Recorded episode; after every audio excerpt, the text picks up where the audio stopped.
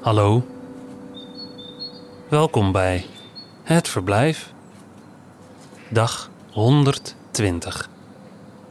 Vandaag Wout Waanders leest Gymnasium en Liefde van CCS Kronen.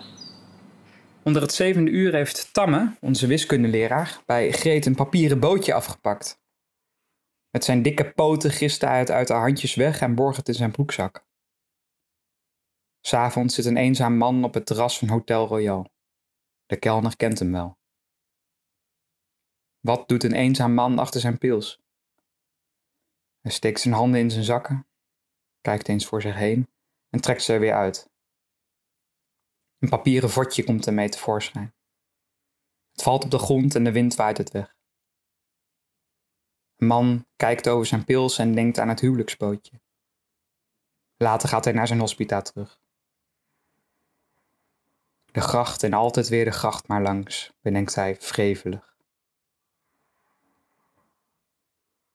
In de Nederlandse les werd mijn vadertje van Marnix Gijzen behandeld. Mijn vadertje. Hij was rechtvaardigheid. Hij had de zware last op zich geladen een eerlijk man te zijn. Vera Wegdam begon te huilen. Onlangs is haar pa gestorven. Daarom moesten wij medelijden met haar krijgen. Een vlieg daalde op de rand van Beppie's jurk en keek er zo onbeschaamd naar binnen dat Kaki zich gedwongen voelde hem met zijn vinger te verjagen. Zij trok van geërgerdheid haar blonde vlechten dichter naar zich toe. S'avonds ben ik bij Kaki geweest. Die is lang en draagt een bril. Zijn naam is nogal kinderachtig. Hij heet ook eigenlijk Kaki, maar dat woord schrikt de mensen af. Het klinkt onzedig. Alleen zijn zus Toos noemt hem zo. Die bracht thee met voor elk twee koekjes en vroeg of hij eens wilde kijken welke zijn schone sokken waren en welke van Wiet. Later zei Kaki dat het heel gewoon was verdriet te hebben over de dood van je vader.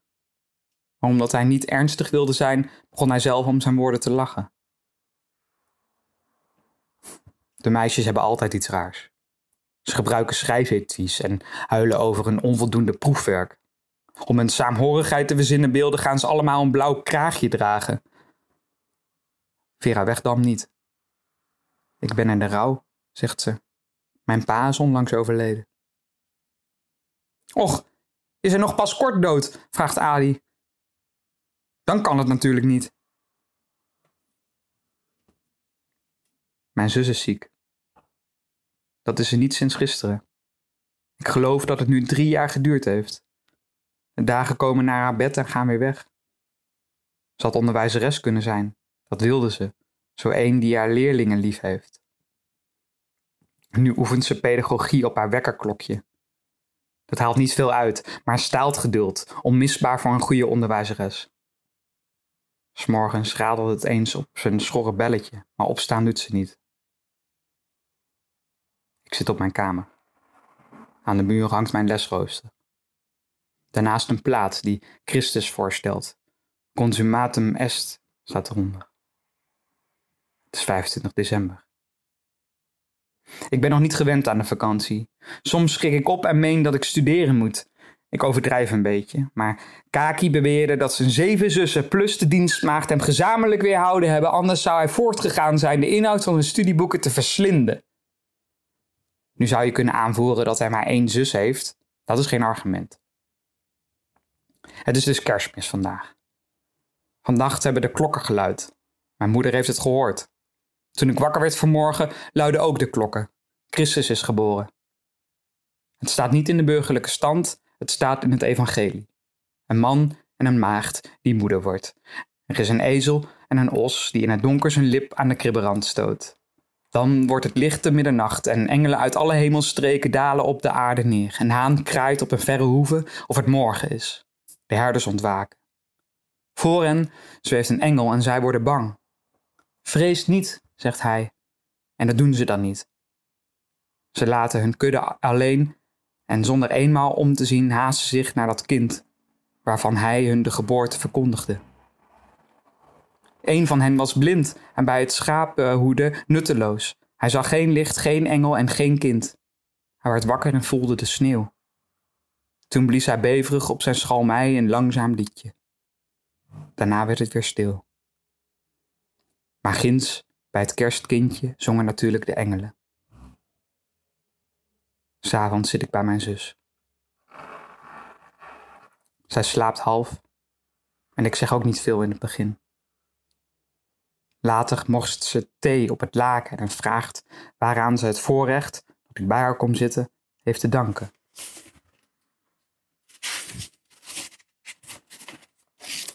Ik weet het niet, zeg ik.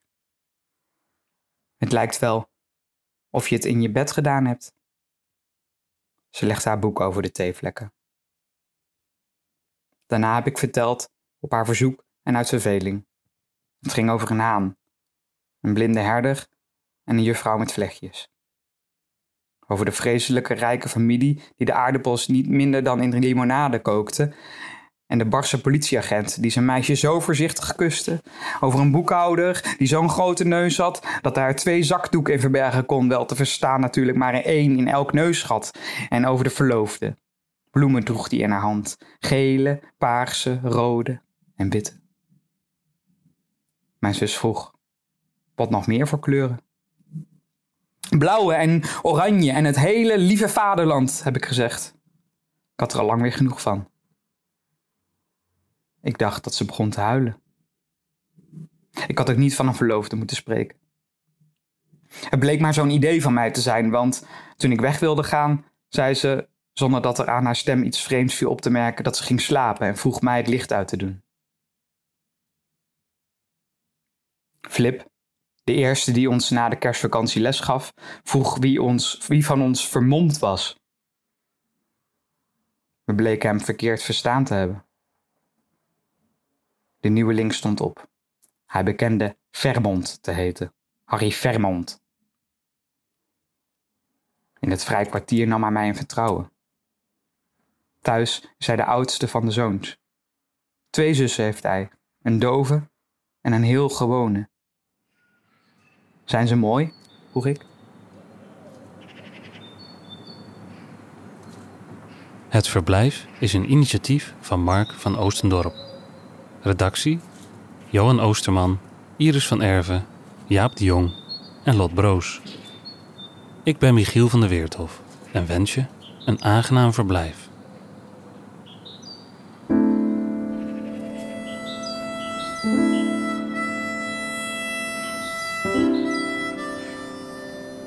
Tot morgen.